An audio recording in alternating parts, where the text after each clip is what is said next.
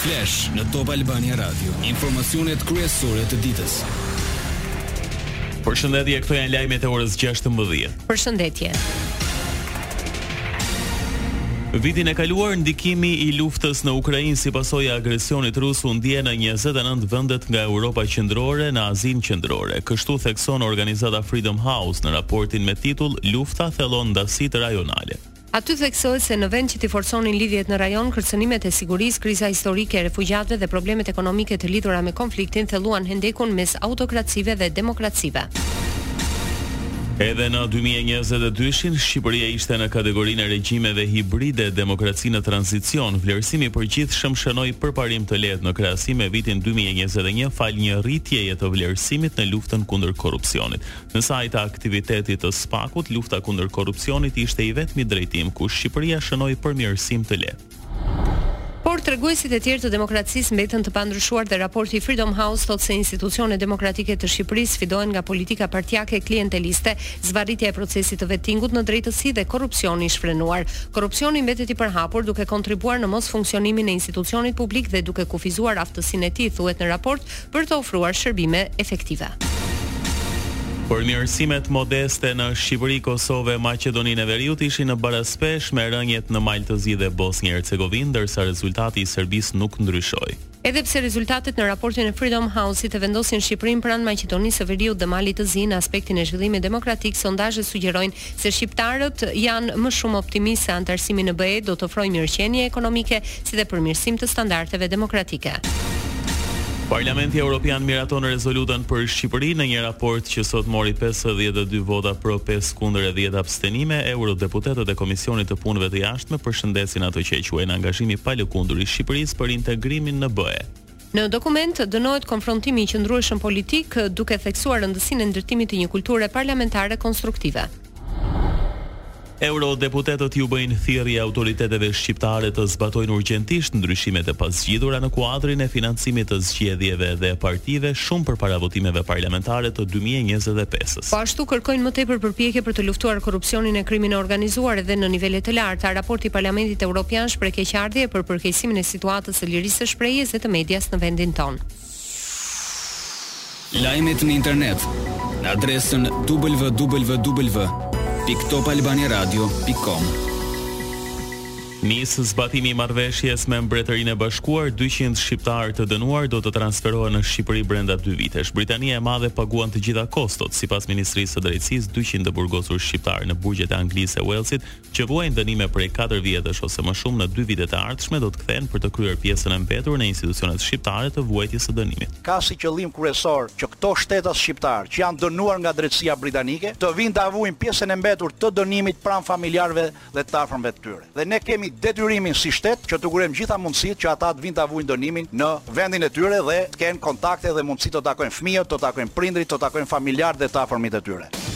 Marrëveshja nuk krijon asnjë kosto për buxhetin e shtetit, efektivisht për Drejtorinë e Përgjithshme të Burgjeve. Të gjitha shpenzimet dhe kostot do të përballohen nga pala britanike për çdo ditë të qëndrimit dhe të vuajtjes së dënimit në Shqipëri.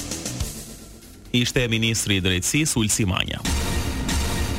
Pesëqind e shtatëdhjetë mijë euro përmes mashtrimit, pranga supermashtrueses në Tiranë me premtimin se do të investonte në Bono Thesari, Milena Deraj me profesion ekonomiste i kishte marrë dyqind e tridhjetë mijë euro një shtetaseje. Po ashtu i zhvati treqind e dyzet mijë euro një familjeje nga Shkodra duke mashtruar dy djem dhe babanë e tyre se do t'i ndihmonte në një proces gjyqësor. Këta të fundit u shpallën në kërkim të akuzuar se e kanosën me vetëgjyqësi tridhjetë vjeçaren.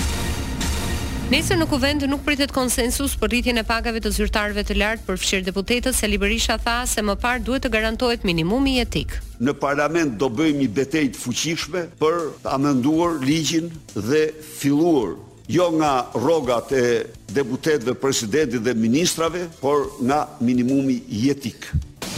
Minimumi jetik nënkupton këtë që nuk ka shqiptar që nuk do ketë dyqind euro pagë mujore për ekzistencën e tij. Hapi i parë drejt rritjes së rrogave duhet të fillojë me vendosjen e minimumit jetik.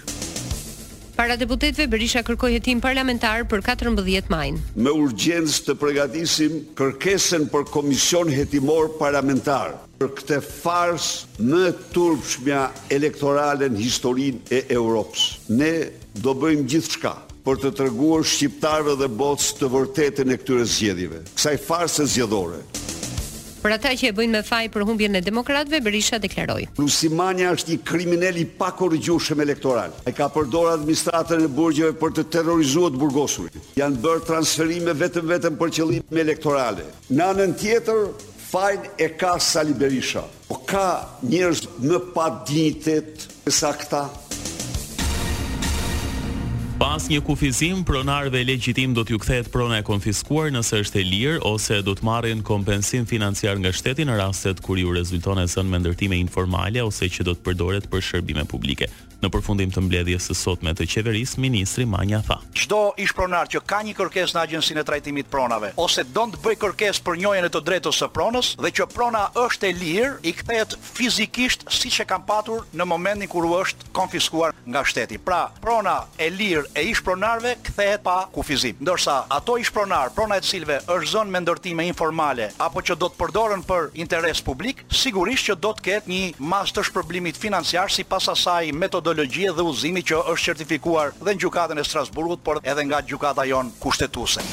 Unë gjej rastin të ftoj gjithë ish-pronarët, që është një kategori rreth shtatë mijë dosje, që t'i ridepozitojnë këto dosje në Agjencinë e Trajtimit të Pronave për të filluar me procesin e njohjes.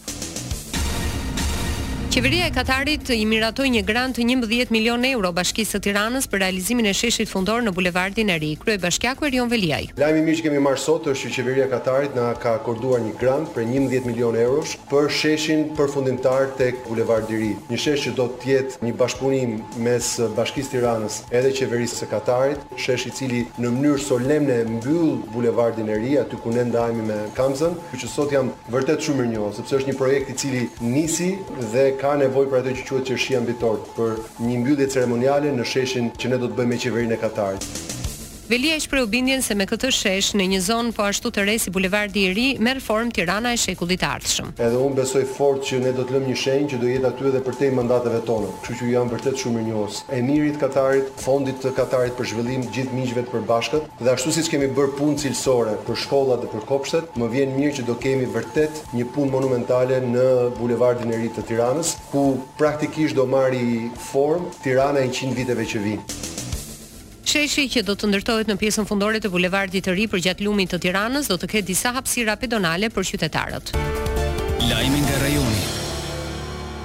Kryeministri i Kosovës, Albin Kurti, tha se nesër betohen kryetarët e rinj të tre komunave me shumicë serbe, Zveçan, Zubin Potok e Leposaviq. Vetëm Zubin Potoku e ka asamblenë komunale funksionale. Kryetarët nuk mund ta kryejnë betimin pa funksionalizimin e asambleve. Kryeministri nuk qartësoi se si do të mundësohet zhvillimi i procesit të betimit. Në Mitrovicën e Veriut, ku Erden Atiq nga radhët e Vetëvendosjes mori mandatin e kryetarit, janë emëruar dhe katër drejtorë. Zgjedhjet në Mitrovicë të Veriut, Zveçan, Leposaviq e Zubin Potok u mbajtën pasi drejtuesit e mëparshëm nga Lista Serbe, partia më e madhe e serbëve në Kosovë, dhanë dorëheqje nëntorin e kaluar. Lajme nga bota. Miliarderi Elon Musk pret që përpara çdo gjëje tjetër inteligjenca artificiale të përdoret nga qeveritë në mbarë botën për të prodhuar armë. Sipas tij, të kesh armë më të avancuara në fushën e betejës që mund të reagojnë më shpejt se njeriu në të vërtetë përbën atë që është në gjendje të bëjë inteligjenca artificiale. Çdo luftë e ardhshme midis vendeve të përparuara ose të paktën vendeve të afta për të përdorur drone do të çojë në shumë luftëra me dronë, paralajmëroi Musk. Në Shtetet e Bashkuara një gjykatë caktoi njëzet e pesë marsin dy mijë e njëzet e katër si datë për gjykimin ndaj ish-presidentit Trump. Kjo periudhë përkon me kulmin e fushatës zgjedhore për kandidatin presidencial brenda Partisë Republikane. Muajin e kaluar Trump u deklarua i pafajshëm lidhur me tridhjetë e katër akuza për falsifikim të dhënash, duke mohuar se ka paguar për të blerë heshtjen për marrëdhëniet e tij jashtëmartesore. Parashikimi i motit. Vendi ynë do të ndikohet nga masa ajrore të lagështa, të cilat do të sjellin kushte atmosferike relativisht të paqëndrueshme, orët në vijim ka shtim gradual të vranësirave dhe shira. Temperaturat variojnë nga njëmbëdhjetë në tridhjetë gradë Celsius. Ndoqët një përmbledhje kryesore të lajmeve të ditës. Takimi informativ i radhës është në orën shtatëmbëdhjetë. Unë jam Edi Hallaçi. Unë jam Doriana Lato. Kjo është Top Albania Radio.